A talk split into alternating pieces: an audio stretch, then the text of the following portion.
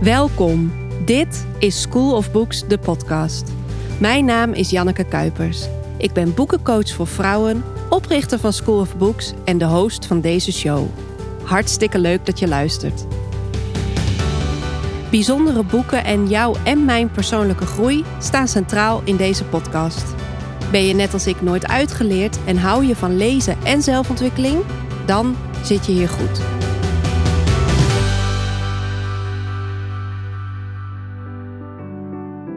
Vandaag spreek ik Nienke Schuitenmaker. Ze is een enorme lezer, ze is nieuwsgierig en leergierig en als communicatieadviseur heeft ze, naar eigen zeggen, last van beroepsdeformatie. Ze kan namelijk niet normaal naar communicatie of reclames kijken, omdat ze altijd aan het analyseren is welke keuzes er gemaakt worden en waarom. En dat analyseren, dat ken je misschien al van haar, omdat zij elke keer als Mark en Hugo een piekmomentje tijdens de persconferentie uh, hebben, Persco Watch stories maakt op haar account. En in die Insta-stories helpt ze je om te begrijpen wat je nou eigenlijk hoort en ziet. Samen met Titia Hogendoorn schreef ze waarom je niet zomaar moet stemmen waar je ouders op stemmen. En verder werkt ze als communicatieadviseur bij een stichting die uitlegt hoe politiek werkt en wat je zelf kan doen om invloed uit te oefenen. En ze is manager van een van mijn lievelingsvloggers, Bonnie. Ik ben dol op de manier waarop Nienke op Instagram complexe materie afpelt. Politiek, maatschappelijk of persoonlijk. Alle onderwerpen ja, behandelt ze in alle rust en vol gepaste emoties. Zelfs haar verdrietige stories zijn fijn, omdat ze me raken, troosten en iets leren over mezelf. Vandaag is Nienke hier vooral om over zelfzorg te praten. Hoe doe je dat in een wereld vol onrecht en hoe doe je dat als de mensen die je zo lief zijn hartstikke ziek worden?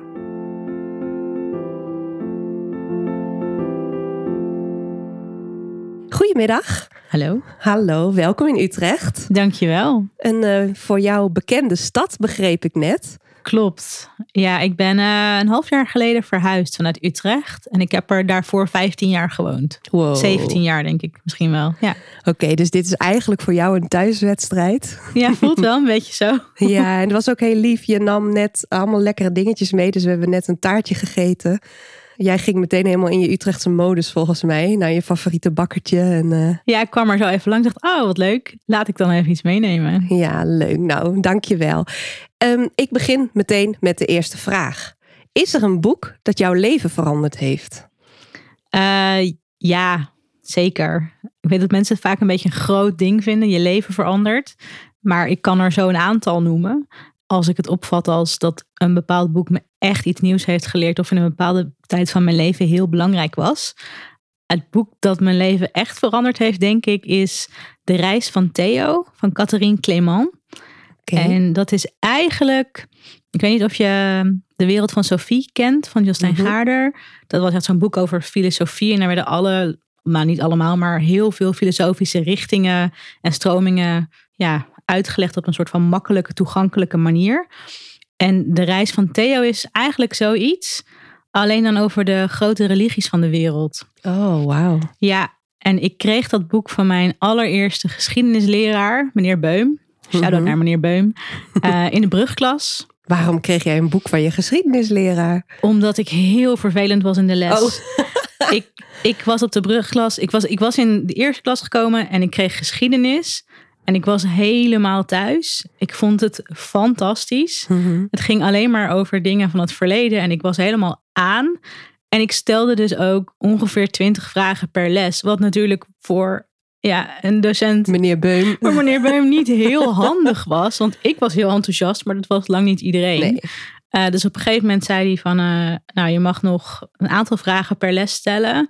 Uh, en ga eerst dit maar eens lezen, want volgens mij is dit heel erg iets voor jou. En dat deed ik dan dus. En het was Oh. echt eh, geweldig. Het, Oh. ehm, het, is een, het is een roman, verhalende roman van een jongen die ziek is, een Frans jongetje. En eigenlijk is het de westerse wetenschap, staat een beetje voor een raadsel. Ze weten niet hoe ze hem kunnen genezen. En zijn tante Marta is eh, ambassadeur, Canadees ambassadeur geweest in allerlei landen. Mhm. En die spreekt dan af met zijn ouders dat ze Theo mee mag nemen op reis. Het is een soort van afscheidsreis, want hij heeft niet per se lang meer te leven. En hij neemt gewoon al zijn medicatie in. Maar tante Marta heeft zoiets van, ik, ik wil je toch eens meenemen naar al die, ja, al die mensen die ik ken. En aan de hand van al die mensen kom je dus in contact met allerlei eh, religies. Mhm. En ik vond dat echt machtig interessant. Mooi. En is het een kinderboek of een young adult? Of... Ik denk dat het een boek voor volwassenen is. Maar wat ik heel knap eraan vind, is dat het ehm, heel ingewikkelde thema's, want religie kan best ingewikkeld zijn, heel menselijk en toegankelijk maakt. En ik denk dat het in die zin ook mijn leven heeft veranderd, omdat ik, ja, ik vind moeilijke dingen toegankelijk maken voor veel mensen, zodat iedereen ze kan begrijpen. Eh, dat vind ik. Dat is jouw ding. Ja, dat is mijn ding. Dus ik denk dat dat daar een beetje begonnen is. Oh ja, wauw. Nou, een mooi verhaal. Ja, ik ben ook Ja. geschiedenis gaan studeren, dus eh meneer. Beum heeft het wel goed ingeschat. Ja, precies. Oh, leuk. Heb je dat hier in Utrecht gedaan? Ja. Oh ja. Oh, natuurlijk. Dat had ik al gegluurd op LinkedIn. Oh ja. Ja, we hebben ongeveer tegelijk hier eh, Oh echt? gelopen. Ja. Oh, wat leuk. Oh, daar moeten we straks helemaal Ja. over vertellen. Kijken wie jij kent en wie ik ja, ken precies. en zo. Oh, dat zullen we jullie besparen Ja. thuis. Eh, en je lievelingsboek. Wat is je lievelingsboek? Eh, mijn lievelingsboek is A, Pla- A Place of Greater Safety Mhm. van Hilary Mantel. Ehm, en zij is vooral bekend geworden door Wolf Hall. Ehm, en de boeken die daarna volgden over het leven van Thomas Cromwell. eh, het gefictionaliseerde leven van Thomas Mhm. Cromwell ten tijde van Henry VIII. Maar daarvoor heeft zij, volgens mij heeft zij haar hele twintiger jaren gewerkt aan een boek over de Franse revolutie. En dat is A Place of Greater Safety geworden. En het is een gigantische pil. En als er mensen zijn die Hamilton, de musical, leuk vinden, dit is alles wat Hamilton is in boekvorm. Mhm. Eh, het is smeuig, het is grappig, het is hartverscheurend, het is heel dramatisch. En ik vind de schrijfstijl van Mantel echt heel prettig om te lezen. Ik vind haar een heel slimme schrijfster. Mhm. En ik, ik heb nog nooit zoveel onderstreept in een boek en het zo vaak opnieuw gelezen en er dan weer haha of, of ja, allemaal dingetjes bijgeschreven. Want het zit gewoon heel erg lekker in elkaar. Oh, wat heerlijk. En Ja. hoe heb je dat boek ontdekt? Ik denk dat ik hem ooit gewoon op de tafel bij Broesen hier in Utrecht heb zien liggen. Mhm. Ik weet niet of ik toen al Wolf Hall heb gelezen. Het zou ook kunnen dat ik hem eerder heb ontdekt dan Wolf Hall. Ik weet het niet Nee. meer zo goed. Is eigenlijk natuurlijk ook niet belangrijk. Maar ik dacht misschien een andere docent ergens een keer. Nee, in nee je leven. dat niet. Nee, deze Mhm. doe ik eh, helemaal in mijn eentje. Ja, het is je eigen. Sad. Ja, ja ik ken eh eh, Wolf Hall heb ik gelezen. En volgens mij ook het boek daarna. En zij is echt niet te doen zo goed als schrijfster. ja. En dat was ook een beetje mijn probleem met het lezen. Ik heb die boeken gelezen in de periode dat ik zelf op de schrijversvakschool zat. En heel Oh. graag zelf eh, dus wilde schrijven. En ik was zo onder de indruk, zo geïmponeerd. Toen zeg je dat, dat, dat er niet zoveel meer uit mijn pen vloeide. Oh nee. Maar is dus een groot compliment aan haar. Ja, ik snap dat wel. Want als je het leest, zij switcht bijvoorbeeld heel regelmatig tussen wie je precies volgt. Want je, soms lees je de gedachten van iemand en dan heb je weer een soort van derde, derde persoon verteller. En het, het, het wisselt de hele tijd, waardoor je, als het goed is, blijf je daarin zitten. Maar als je er een beetje op let, dat je denkt, hè, Ja, huh, dit, dit zou huh? eigenlijk niet moeten Nee, werken. Dit gaat ja. ook tegen allerlei regels in die je van geleerd hebt. En toch is het zo meeslepend. En Ja, grappig ook. Heel grappig vind ik het. ja, en dat houdt je als lezer ook heel erg actief. Dus het effect van de stijl is, is nou ja, ontzettend goed. Maar goed, Ja, ga het lezen, maar lees het niet als je gedachteloos de pagina's wil omslaan. Want dat nee. kan bijna niet. Nee, zeker niet. Hoe waar en hoeveel lees jij? Ehm, ik lees best veel. Vergeleken met ja, mijn vrienden, denk ik. Ik weet nooit zo goed wat veel is. Maar ik lees denk ik in ieder geval elke avond een half uur tot een uur. Ehm, ik lees voornamelijk voordat ik ga slapen. En als ik in een trein zit, dan heb ik eigenlijk gewoon standaard een boek bij me. Of het nou op mijn e-reader is of gewoon een fysiek boek. Eh, en ik lees heel veel op vakantie. Dus eh, het is voor mij een manier om te ontspannen en om nieuwe dingen te leren. Mhm. En ik luister sinds een half jaar, denk ik, ook veel audioboeken. En dat doe ik vaak tijdens het wandelen. Oh ja, ja, nou herkenbaar.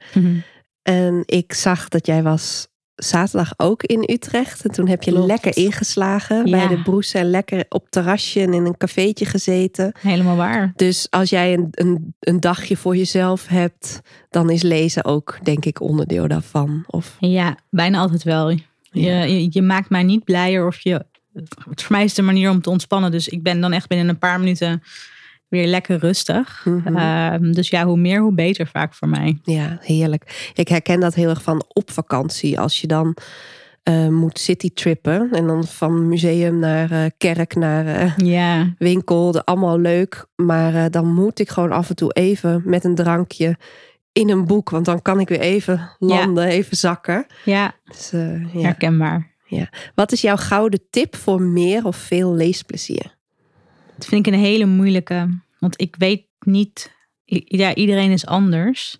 Ehm, ik zou zeggen, laat je in ieder geval niet leiden door wat andere mensen zeggen dat je zou moeten lezen. Mhm. Ik denk dat als jij iets hebt gevonden of iets interessant vindt, denkt, oh, daar word ik eigenlijk wel enthousiast van, dan zou ik gewoon dat volgen. Want het leven is echt te kort om slechte boeken te lezen. En het leven is volgens mij ook te kort om boeken te lezen waarvan andere mensen zeggen dat je zou moeten lezen of gelezen zou moeten hebben. Want ja, en dan, Ja, denk ik. precies. Ja. Dan, maar dan is eigenlijk hoe je met boeken om moet gaan, eigenlijk een soort metafoor van hoe het leven werkt. Hè? Zou ik wel zeggen, ja. ja, eigenlijk wel. Eigenlijk wel. Hey, en ik weet, eh, want we hebben natuurlijk even van tevoren ook eh, ieder geval gemaild, dat je heel veel boeken had kunnen noemen als antwoord op deze vragen. Is er nou nog één boek waarvan je zegt, Janneke, hier moeten we het even over hebben voordat we overgaan naar de rest? Oeh, Dan zet ik je voor het blok, hè? Ja, een beetje wel. Ehm, er is een boek wat ik heel graag zou willen dat iedereen zou bijna verplicht zou lezen bij maatschappijleer of Nederlands. En dat is ehm, een boek van Louise O'Neill. Zij is een Ierse schrijfster. En dat heet Asking for It. En dat gaat over een tienermeisje in Ierland. En zij gaat naar een feestje en zij drinkt te veel. Ehm, en zij wordt het slachtoffer van seksueel geweld. En dat boek gaat helemaal over wat er daarna gebeurt en hoe zij ja, wel of geen gerechtigheid krijgt.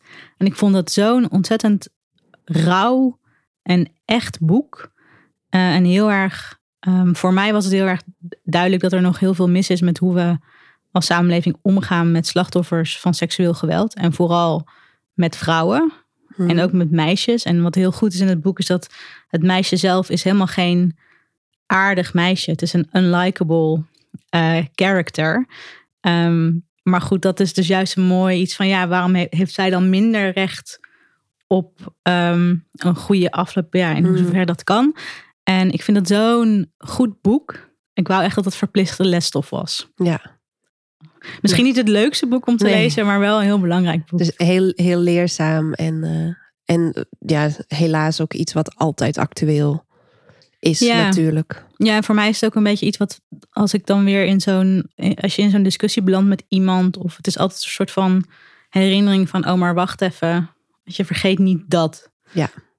Ja, dus al die lagen in de discussie. Zeker. Ja. Ah, nou, dankjewel.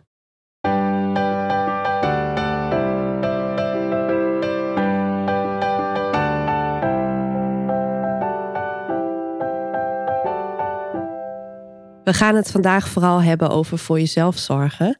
En ehm, hoe je dat doet, hoe je dat kunt leren.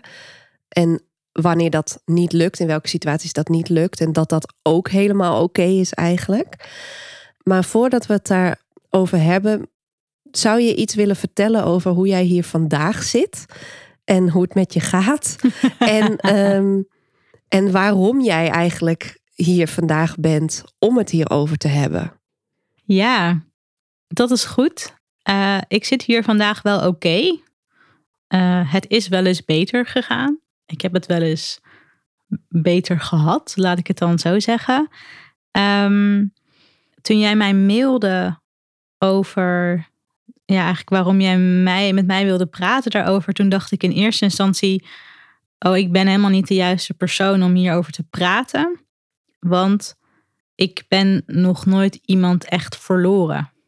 Dan moet je andere mensen hebben als het gaat over rouw.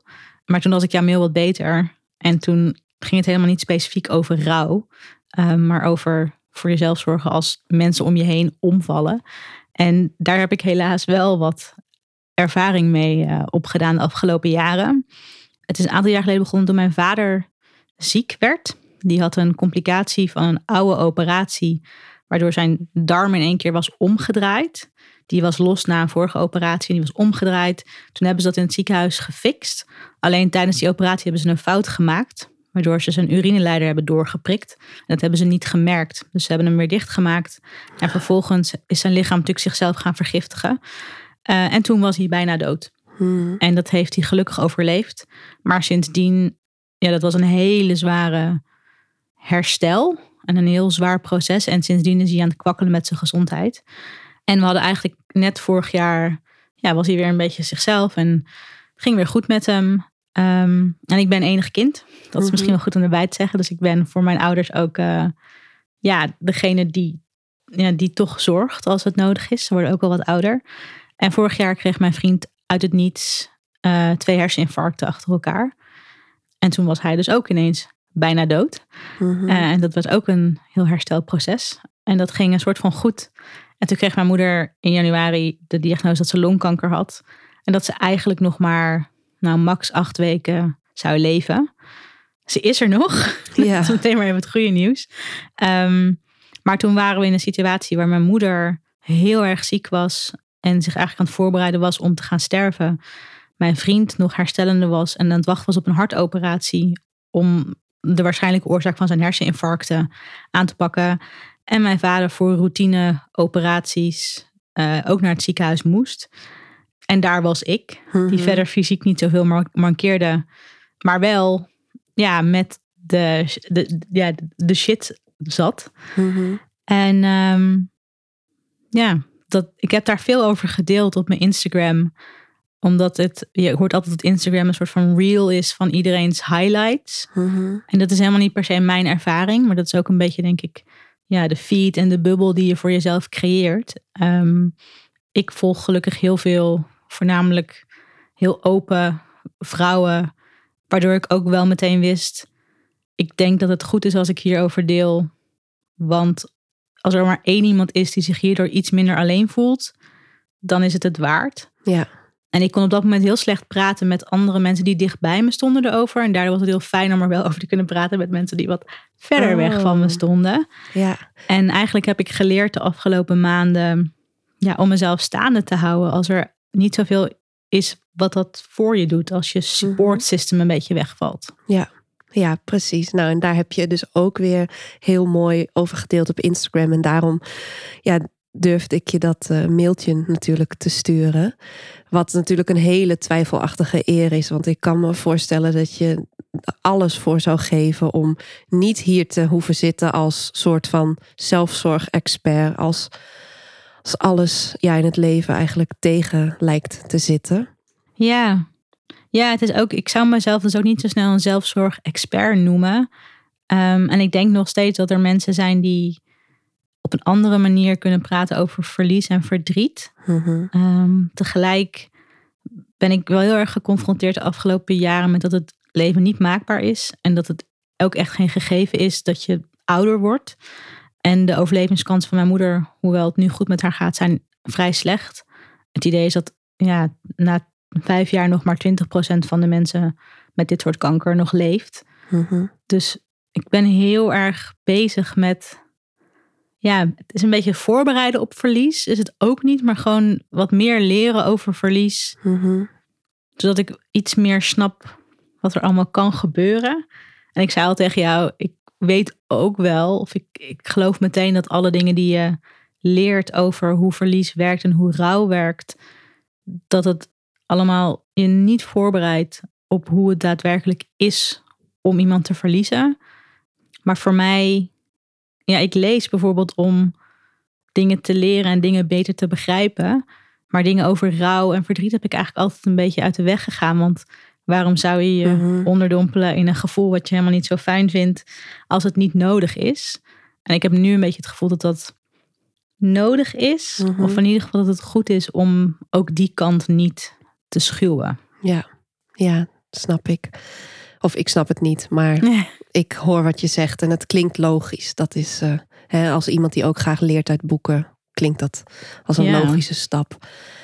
Ik zal je niet meer een ehm zelfzorg-expert noemen, maar een ervaringsdeskundige misschien. Ja, Eh, en ik denk dat als je ook maar één ding meeneemt uit deze podcastaflevering, lijkt mij dat de opmerking dat je alles wat je aan zelfzorg en over jezelf hebt geleerd, dat dat ja, vervliegt op het moment dat je iemand verliest of op het moment dat je vreselijk slecht nieuws krijgt of misschien in mijn geval dat je depressief wordt, Ja. dat dat er ook gewoon bij hoort en er mag zijn. Want het laatste wat ja, wij denk ik willen uitstralen is dat als je je zelfzorg maar on fleek hebt, hè, dan eh, komt het wel goed. Nou, soms komt het niet goed. En soms Nee. ben je een half jaar of een jaar of drie jaar van je padje, omdat het leven soms zulke moeilijke dingen op je pad gooit dat je gewoon even omvalt.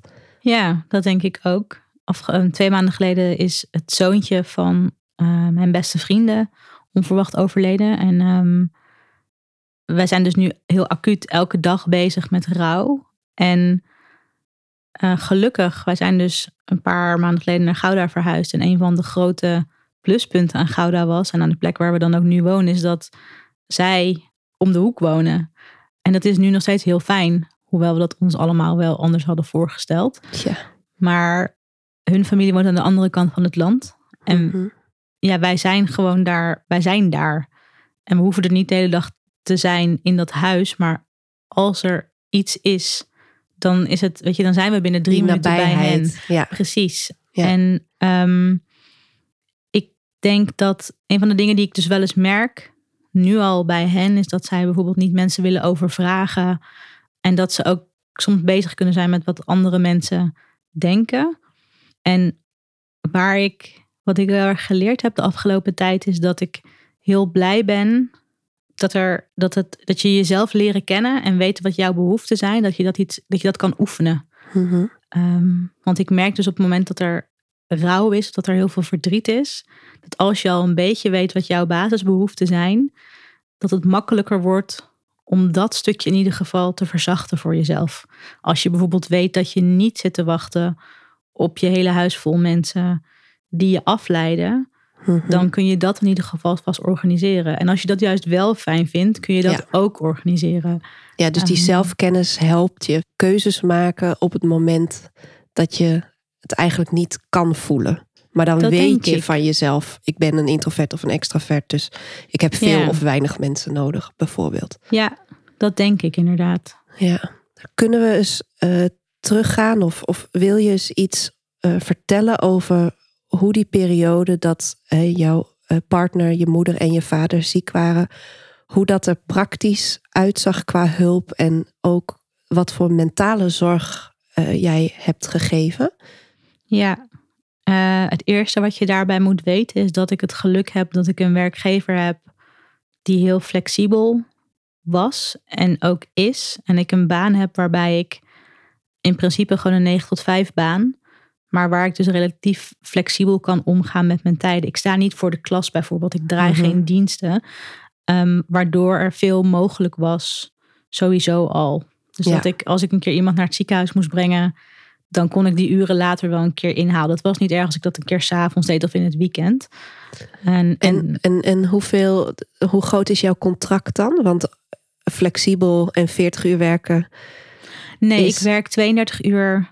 Oh ja, ehm, nou ja, dat is toch nog heel behoorlijk. Ja. ja. klopt. Maar Ehm, daar heb je veel vrijheid in ervaren. Ja, en dat was ook op het moment dat mijn vriend dus in het ziekenhuis lag, was het meteen was geen enkel probleem dat ik er dus e- dat ik er niet meer was. Dus er was, ik heb heel veel die ruimte gevoeld ook om er te zijn voor de mensen om mij heen. En dat was ook zo toen mijn moeder eh, de diagnose kreeg van longkanker en dat ze het, dat ze het niet lang zou, eh, zou halen. En praktisch, ja, hoe zag dat er praktisch uit? Wij woonden toen nog in Utrecht, mijn vriend en ik. En we waren, ik denk, ja, om de dag, s'avonds bij mijn ouders in Tiel. Om gewoon bij elkaar te zijn. En soms namen we eten mee of deden we boodschappen. Mijn vader is niet de meest begaafde kok. Mijn vader is gewoon iemand die dat nooit heeft hoeven doen. Mijn Mhm. moeder doet eigenlijk alles in het huishouden. Eh, en die moest in een soort van sneltreinvaart. Kreeg hij les in hoe hij het huishouden moest runnen. Van mijn moeder, die zoiets had van: Ik kan jou niet achterlaten. Zonder dat je dat allemaal kan. Dus ik was vooral bezig om te kijken of het ook nog wel goed ging met mijn vader. Mhm. Want die was ook, ja, die was zich ook aan het voorbereiden op een verlies, maar ook nog aan het zorgen. Dus je, wij stonden daar een soort van laag onder. Ja. En we Ja. deden veel, ehm, Zijn echte dagelijkse leven zou natuurlijk van het een op het andere moment. Precies. z- Zonder zijn maatje, maar ook zonder zijn huishouden. Ja. ja. Ja, ze, zijn, ja, ze hebben gewoon een, eh, hun relatie op een, op een bepaalde manier ingevuld. Ehm, en dat, dat zou veranderen. Eh, dus praktisch betekende dat ik veel aan het regelen was als ik niet bij ze was. Ook dingen aan het uitzoeken was van als ze nou begraven wil worden in een mand in plaats van een kist, waar halen we die dan vandaan? Ik heb uren besteed aan het uitzoeken wat de regels zijn rondom euthanasie en wat daarvoor verklaringen voor moeten worden geregeld. En gewoon elke dag kijken wat is er nodig bij hen. Zijn er boodschappen nodig? Ehm, moet er was worden gedaan? Eh, Dat soort, ehm, dat soort dingen allemaal. Dus van eigenlijk het allerkleinste tot het allergrootste misschien wel. Ja, en tegelijkertijd hadden wij gewoon ons eigen werk. Hmm. Ehm Guy en ik. Mijn boek was in die periode net uit. Ik heb een boek geschreven over politiek. En dat was vlak voor de verkiezingen best wel even populair. Dus er waren ook nog best wel wat eh, interviewverzoeken. eh, die ik wel ook heel graag wilde doen. Want dat haalde me ook een beetje eruit. Mhm. Ehm, maar ondertussen waren we ook aan het wachten op Guy operatie. En was hij ook gewoon nog heel erg moe. Dus het was ook heel erg schipperen met... Ja, kun je wel... Energie, beschikbaarheid Ja. bijna. Ja, dus voor mij was het. Ik, ik deed op dat moment eigenlijk alles. Van mijn eigen huishouden en de boodschappen. En ook de mentale last voor mensen. Ja, gewoon bedenken wat er nodig is. Ja, Om je gezin en je familie draaiende te houden. ja. Ja, want dus er was dat- niemand anders. Nee, nee, dus niet alleen dus heel praktisch, maar ook juist mentaal de, de spin in het web die alle, alles bij elkaar hield. En eh, ja, ja. En dan binnen mijn eigen grenzen. Want ik wilde ook niet zelf over grenzen heen gaan en dan uiteindelijk met een burn-out komen te zitten, bij wijze van spreken. Ja. Dus dat heb ik ook heel erg geprobeerd te bewaken. Hmm, dat is natuurlijk de volgende vraag. Want Ja. hoe, hoe doe je dat dan? Nou, ik denk dat er een paar dingen zijn die mij heel erg geholpen hebben. Namelijk dat ik zelf de afgelopen jaren best wel veel geïnvesteerd heb in mezelf leren kennen. En dus weten wat ik fijn vind en wat ik nodig heb in bepaalde situaties. Eh, en aan de andere kant heeft Instagram mij enorm geholpen. Omdat dat voor mij een plek was waar ik mijn verhaal kwijt kon. Zonder dat ik er iemand mee belastte die die Mhm. belasting niet kon hebben. Mhm. Mijn ouders en mijn partner zitten niet op Instagram. Dus eh, zij hadden daar verder geen last van. Ik kreeg er veel steun uit. Wat ik soms ook een beetje ongemakkelijk vond. Ik dacht, ja, ik wil niet, jullie hoeven je niet zoveel zorgen te maken.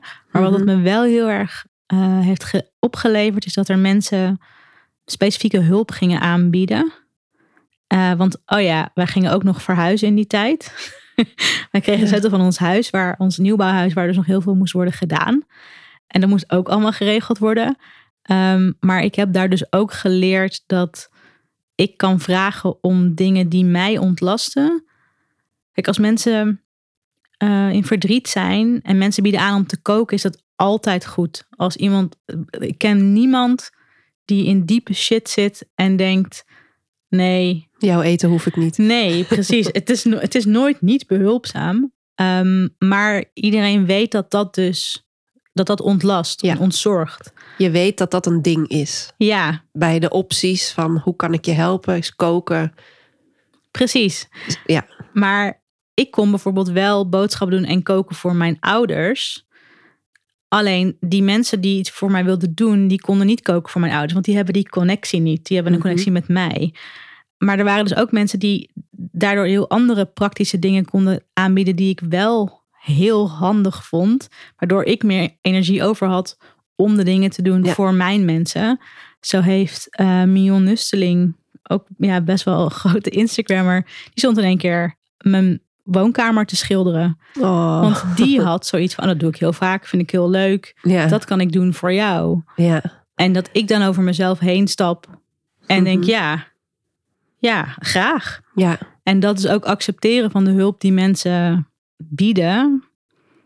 Ehm, dat heeft me dus heel erg. Dat, dat, en dat kwam dus van relatief wildvreemde mensen op Instagram. Eh, dat vond ik heel fijn. En is het dan is het makkelijker om hulp te vragen en te krijgen van mensen die dus wat verder van je afstaan? Ja, misschien wel. Voor mij was het ook heel makkelijk, of was het heel fijn dat er. Ik heb een hele fijne Instagram-bubbel.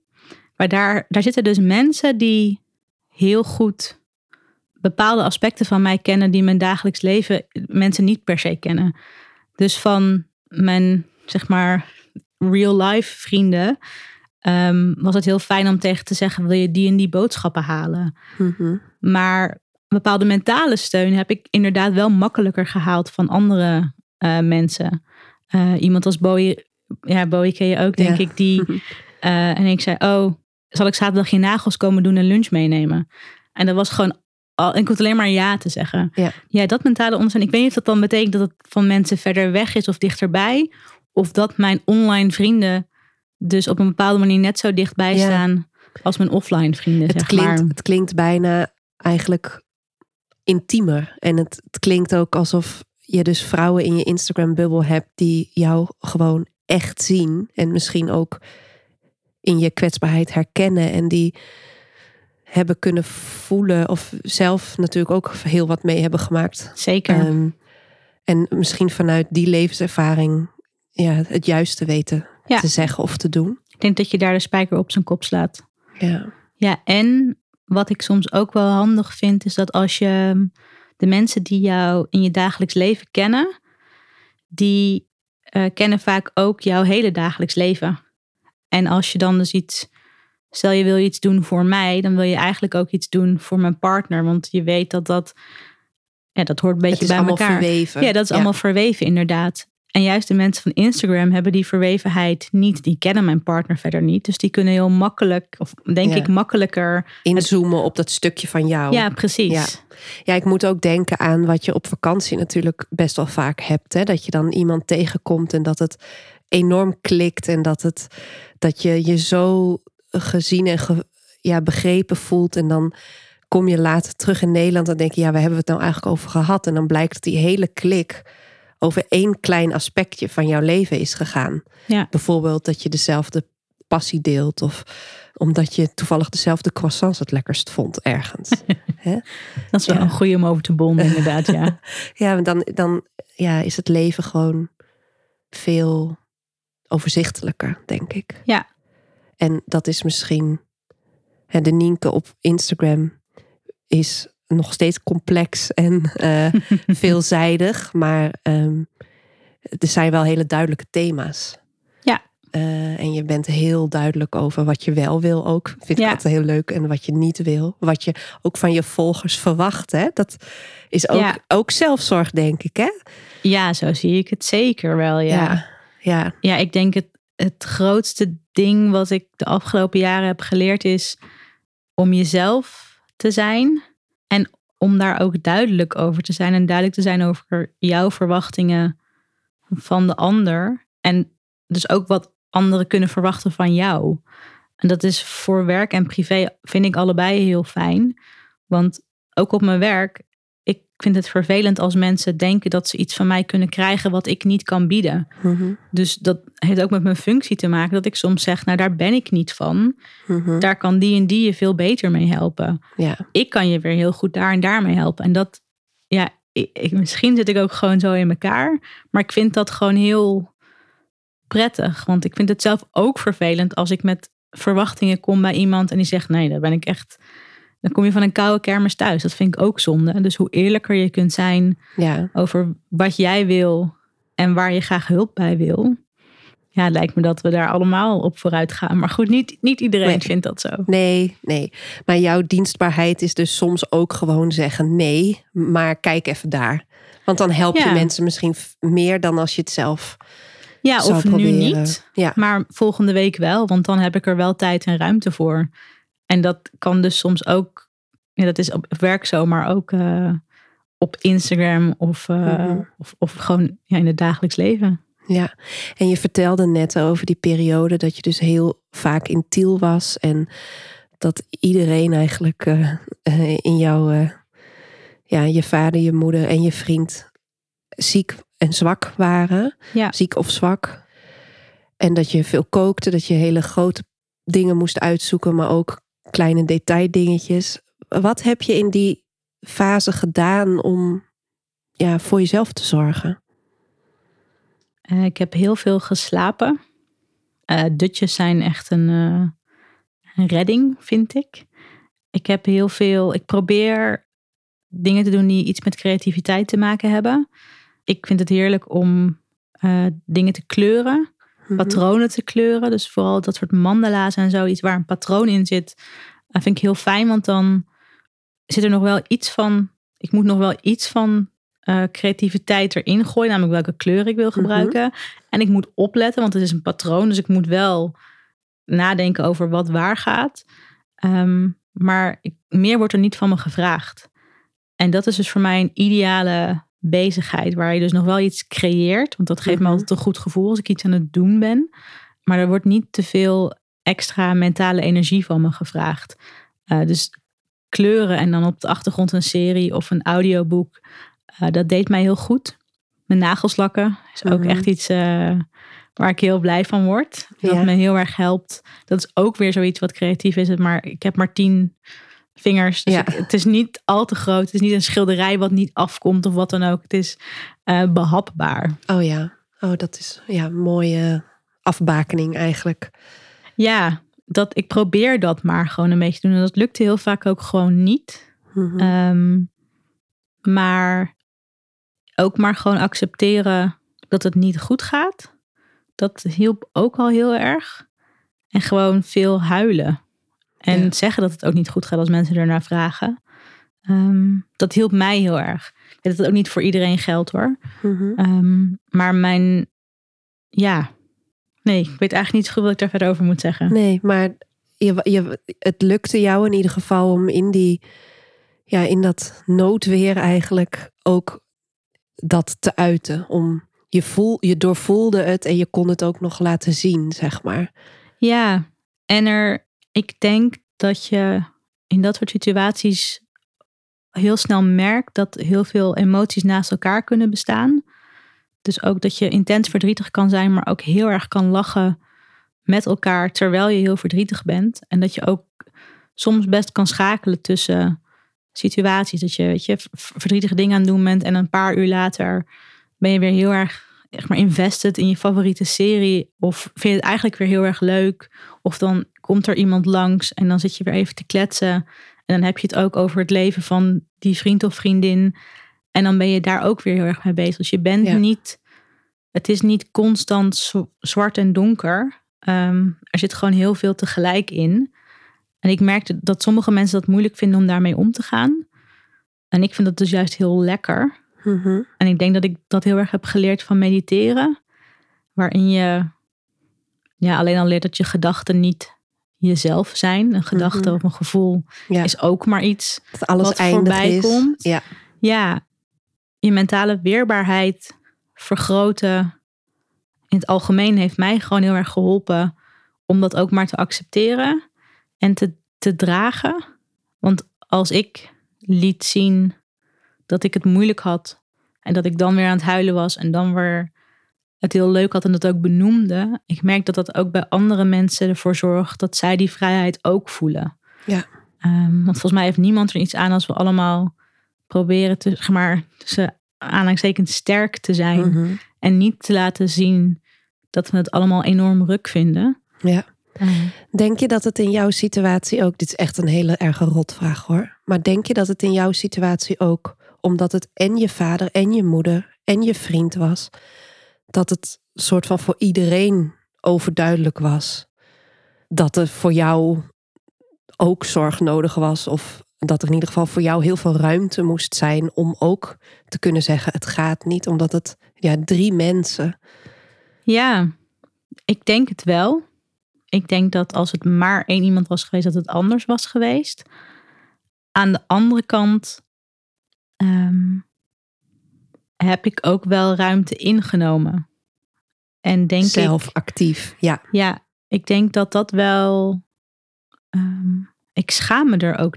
Ja, dat betekent niet dat mensen daar zich ervoor schamen die dat niet doen. Maar ik vind mezelf en hoe het met mij gaat en mijn mentale gezondheid gewoon heel belangrijk. Misschien wel het belangrijkste. En op zo'n moment zijn die mensen die mij nodig hebben belangrijker dan andere dingen. Mhm. En ik vind het ook niet erg om tegen iemand te zeggen die zich daar niet naar gedraagt: hey, eh, ik snap wat je nu vraagt. Ik kan dat nu niet doen, want ik ben hiermee bezig. Ja. En ik zeg dat tegelijkertijd ook vanuit een enorm privilege dat ik een vast contract heb met een werkgever die flexibel is en dat ik financieel stabiel ben. Ehm, Ja. En dat alles zorgt ervoor dat ik dus kan zeggen: ja, precies. Je hoeft niet bang te zijn dat dat Nee. effect heeft op misschien nee. de verlenging van je contract over een paar maanden, dat soort dingen. Ja. Ja. Ja, ik denk dat ik er dan een stuk minder, dat ik dan heel anders had moeten. Misschien was het dan wel heel anders gelopen. Ja, of dat je in ieder geval het anders had, de ruimte anders had gevoeld, misschien. Ja, Dus eigenlijk wat je, wat je zegt is wel, omdat jij jezelf al zo goed kende vooraf, en dan hebben we, dat is dan denk ik nu al de derde keer dat we daarop komen, maar omdat je jezelf zo goed kende, heb je je ook beter staande kunnen houden op het moment dat het zo ongelooflijk nodig was. En jij, Ja. wist, jij wist al van jezelf dat iets creatiefs doen voor jou heel fijn is. Eh, mediteren noemde je, dutjes doen. ja. Of heb je dat ontdekt tijdens? Nee, ik heb dat niet echt ontdekt tijdens. Maar ik vind het dus ook wel. Wat ik wel heb gemerkt is dat mensen tegen mij zeiden dat ik het zo goed deed. Mhm. En ik weet niet of dat zo is. Ik vraag me elke keer af, ja, wat had je dan verwacht? Mhm. Wat had ik, wat is, het gaat niet goed? Wat is, Mhm. je gaat er niet goed mee om? Is er een manier om daar niet goed mee om te gaan? Dat is, ik, ik weet niet, ehm, ik vind niet dat ik heel veel bijzonders heb gedaan. Want ik heb me ook gewoon verschrikkelijk gevoeld. Mhm. Alleen, ik denk dat het feit dat ik erover kan praten en achteraf ook bijvoorbeeld op Instagram kan uitleggen, zeg maar hoe dat voor mij is geweest, dat dat misschien ook meer de, het beeld wekt dat, het, dat ik dat goed heb gedaan. Mhm. Ik weet niet wie, Ja. wie je zeg maar de sticker geeft Ja. van je hebt het goed gedaan. Ja. ja, als ik zelf, ik, ik zeg dit ook wel eens tegen vriendinnen van, oh maar je doet het zo goed. Maar volgens mij is het, zijn het gewoon de verkeerde woorden voor wat je eigenlijk probeert te zeggen. Namelijk, ehm, ik zie je, ik heb respect voor je, mijn hart huilt en, Ja, en wat, wat doe je het goed. ja. Ja, ja maar ik- eigenlijk als je kijkt naar wat je dan zegt, is heel raar. Nee, ja, ik, ik snap wel ook wel waar het vandaan komt. Ik denk dat het, als je heel veel mazzel hebt in het leven, dan, dan kan het een tijd duren voordat je dichtbij je mensen krijgt die het heel zwaar hebben. En die echt door een verschrikkelijke periode heen gaat. Maar ik denk dat vanaf het moment dat je dat hebt eh, gezien, dat je dat hebt meegemaakt, dat je daar altijd anders mee omgaat. Dat je er altijd een soort van extra oog voor hebt. Hm. Ik moet een beetje denken wat in, in Harry Potter. Ja, misschien dan, dan hebben ze toch die paarden, die testrals Ja. voor, die, voor die koetsen. En als je eenmaal zeg maar de dood hebt Ja, gehad, dan zie je ze. En, daar Ja. eerst zie, en zo voelt het soms een beetje dat. ehm, ja, ook, ook met verdriet en slechte dingen leer je omgaan als je maar voldoende shit over Ja. je heen krijgt. Ja. En dat is heel cru en dat gun je niemand. Maar er zijn dus mensen die daar beter mee, tussen aanhalingstekens, beter mee omgaan dan anderen, omdat ze meer oefening hebben gehad. En dat is hartstikke rot. ja. Uh, maar ik denk wel dat als je dat dus laat zien ook aan andere mensen van hey, ik heb verdriet. En dus ben ik nu zo, of dus Mhm. reageer ik nu op die manier. Dat je daarmee de stap voor andere mensen een beetje verlaagt of verkleint.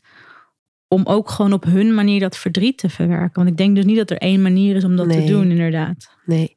Nou ja, en, en dat maakt dus ook dat iemand aanbiedt om je nagels te doen en een lunch mee te nemen. Ja, Of je muur te verven. ja, En jij weet nu waarschijnlijk uit eigen ervaring ook veel beter wat je zou kunnen doen voor iemand. Anders Ja. dan een maaltijd koken. ja. En die maaltijden zijn er vooral op het, op het moment dat je echt niks anders kan, echt heerlijk. Eh, maar het verschilt natuurlijk ook wat jij wel en niet kan. Ja. Ik hou niet van verven. Ik, ik hou van niks van klussen. Ja. En het was voor mij zo'n hobbel om dat te doen. En het was zo van dat iemand er dus was die dat dus ja. niet alleen wilde bijna doen. hobbyachtig. Ja, bijna hobbyachtige dingen. En zo. ehm, Heeft ze ook nog een mooi kunstwerk voor je achtergelaten? Nee, nee, nee. Ik heb, ik, ik, die koop ik gewoon bij haar aan. Dus eh, Oh, ja. er hangen, de- er, er moeten nog wat dingen De opgenomen tegeltjes heb jij, hè? Ik heb twee tegeltjes in, drie tegeltjes inderdaad trouwens. Oh, leuk. Ja. Even, moet je even uitleggen. Even Ja. tussendoor. Ehm Mignon Nusseling is kunstenaar en zij heeft onder andere een project gemaakt, een kunstproject over haatcomments die zij in de loop der jaren nou, verzameld heeft. Dus hele nare dingen die op haar af zijn gevuurd, omdat zij ja, heel eh, haar publiek, ook op Instagram vooral, haar werk toont en ehm, ja, haar kunstenaarschap beleidt.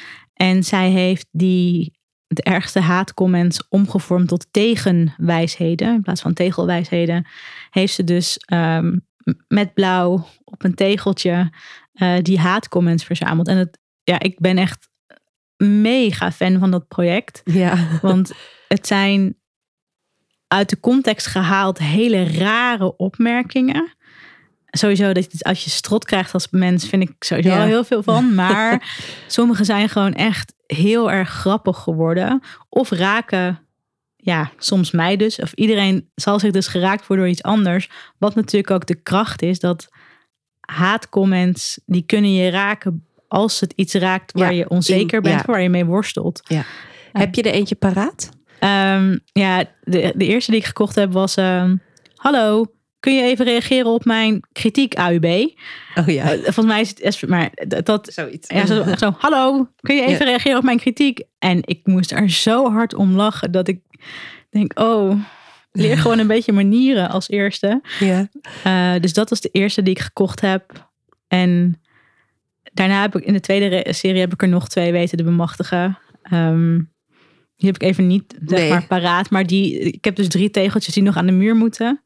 Maar de muur zelf is al zo'n kunstwerk. Daar ben ik elke dag nog zo blij mee dat die geschilderd is. Ja, ja, wat fijn. Bijzonder. heel bijzonder inderdaad.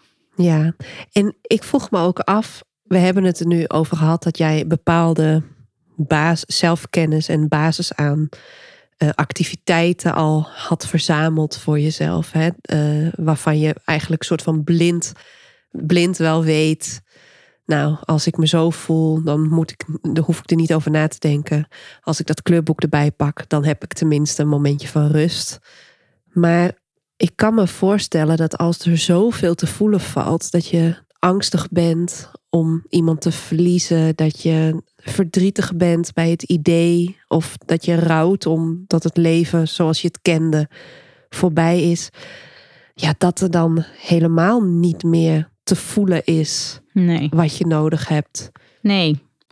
Nee, en ook als je het hebt over wat werkt voor jou en wat zorgt ervoor dat je er doorheen komt, kun je volgens mij ook alleen maar pas achteraf zetten, zeggen, omdat je nog niet bent omgevallen. Mhm. En ehm, ja, er zijn natuurlijk, ja, het verdriet is er dan altijd en het verdriet is gewoon heel erg heftig. Dus er zijn ook gewoon dagen, uren dat je alleen maar op de bank zit en alleen maar huilt en je, en je rot voelt, denk ik. Mhm. En dat is dus oké. Ja, Dat voelt niet oké, maar nee. Ja, ik denk dan, je, niemand weet het. Iedereen doet maar wat. En soms kun je pas achteraf zien of zeggen, of dat de juiste dingen waren. Maar ja, dan nog, wat, is- wat is juist? Mhm. Ehm, er is niet een perfect rouwproces of een perfect herstelproces van verdriet of pijn of, of wat voor, voor ongeluk dan ook, denk ik. Ja. Zou jij willen zeggen dat ieders weg door rouw of ja, we maken hem dan wel heel breed, maar rouw, dat, dat iedereen het pad pas kan zien of ontdekken door het te doen en dat er ook geen pad misschien dus gelijk is? Ja, dat zou ik zeker zeggen. Ja, ik denk dat ik heb dus best wel veel dingen gehad aan boeken over rouw en verdriet. En heel veel van de dingen die ik eruit heb gehaald is herkenning. Ehm, en soms ook de wetenschap van, oh, maar andere mensen hebben dit ook. Oh, oh of, of het is niet gek dat ik nu niet van de bank kom. Mhm. Ehm, het besef dat ik niet de enige ben bij wie eh, koken bijvoorbeeld praktisch onmogelijk wordt als het mentaal slecht met me gaan, gaat. Dat, dat vond ik zo'n eye-opener. En ik denk, oh, het ligt niet aan mij. Dit is iets wat andere mensen hebben. Dat, Mhm. dat, ont, dat haalt zoveel extra zorgen in je hoofd weg van doe ik het wel goed? Ja. Dan kun je in elk geval wegstappen. Oké, andere mensen hebben dit ook. Dat kan ik even loslaten. En ehm, ik ben dus nu veel aan het lezen over rouw, omdat ik graag beter wil worden in het bijstaan van mijn vrienden. Dus ik heb ook eh, specifiek boeken gelezen over helpen bij mensen die dus in de rouw zijn, of specifiek mensen die een kind hebben verloren. En ik vind dat dus heel fijn. En ik merk dus ook dat de dingen die ik, uit die boeken haal en ik die met mijn vrienden bespreek, dat dat voor hen eigenlijk altijd even een soort van opgelucht ademhalen is. Van, oh ja, we zijn niet de enige die dat hebben. Van, oh ja. ja, zo voelt het inderdaad. En dat is dus, die boeken die ik lees zijn dan ook gebaseerd op, geschreven door mensen die heel veel ervaring hebben in het werken met ouders die een kind zijn verloren bijvoorbeeld. Dus voor hen is dat idee van ja, lotgenoten, de ervaring van lotgenoten, zonder dat je zelf met die mensen hoeft te gaan praten, want in dat Mhm. stadium zijn ze nog helemaal niet. Nee. Dat geeft gewoon een bepaald soort verlichting. En je moet het toch allemaal zelf doen, maar weten dat je niet alleen bent en dat Mhm. er niet, dat het wat jij doet in ieder geval niet raar is. Dat is Mhm. volgens mij heel ehm, prettig om mee te krijgen. Heel mooi en heel bemoedigend, denk ik. Kun je een aantal van die boeken waar je zoveel uithaalt voor jezelf en voor je vrienden eh, benoemen voor ons? Ja, eh, het boek dat me echt heel erg geholpen heeft toen mijn vriend zelf in het ziekenhuis lag en het heel slecht met hem ging, was het handboek voor mindere dagen. Ehm, dat heb ik van een vriendin gekregen die zelf door een rottijd was gegaan. En daar haalde ik ook elke keer zoveel herkenning uit van, oh ja, dit is ook normaal. Oh ja, dit is ook normaal. Mhm. En ook gewoon tips over, misschien kun je dit eens proberen als je je rot voelt, want het zou kunnen helpen met dat en dat gevoel. Uh, dus die zou ik zeker iedereen aanraden. Of je nou zelf door een rottijd gaat of iemand anders gaat daar doorheen. En ehm, een boek wat ik ook iedereen zou aanraden. Ook omdat je toch veel mensen ermee te maken krijgt. Is het rouwt in jou. Hm. En dat is specifiek over het verliezen van een kind. En dan gaat het ook over bijvoorbeeld een miskraam. En die komen ook gewoon heel erg veel voor.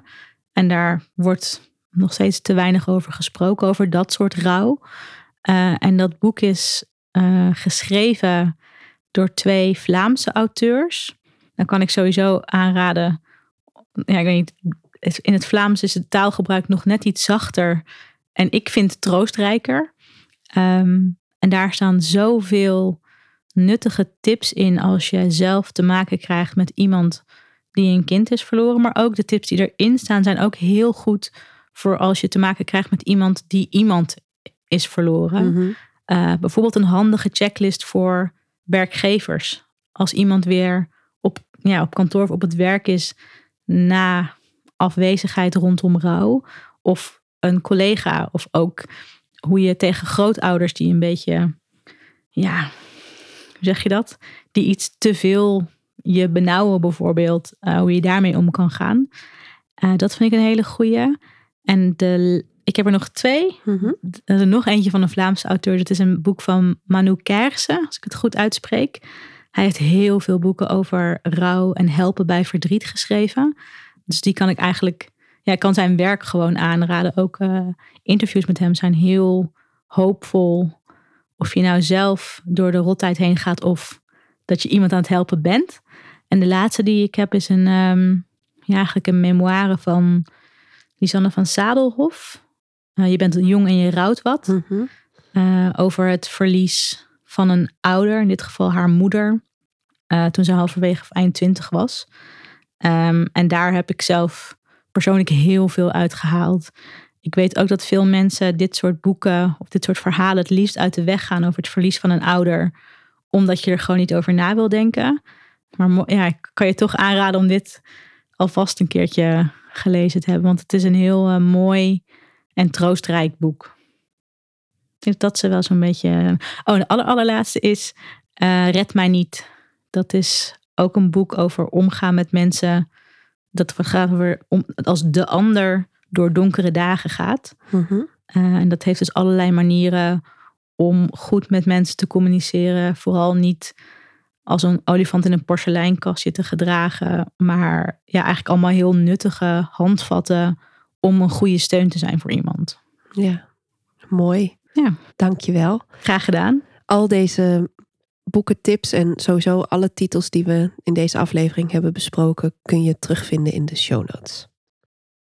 Oké, okay, nou dankjewel voor je openheid en uh, ja, kwetsbaar onderwerp. Maar uh, jij was gedaan. natuurlijk al op stories gewend om uh, ja, woorden te geven aan wat je voelt en wat je meemaakt. Dus, ja. ja, ik hoop vooral dat mensen, dat we met z'n allen ons wat minder schamen voor wat we voelen.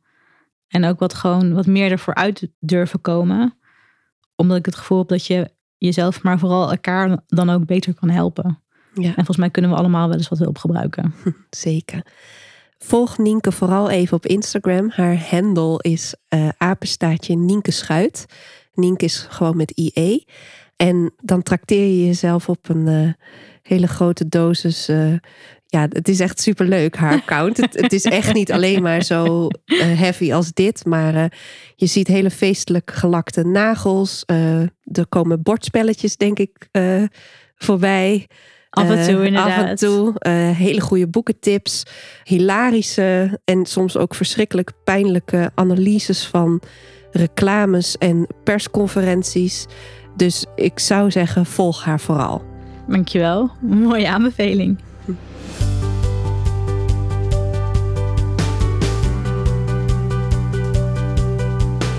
Fijn dat je er weer bij was. Zo aan het einde van deze show heb ik nog twee belangrijke dingen om met je te delen.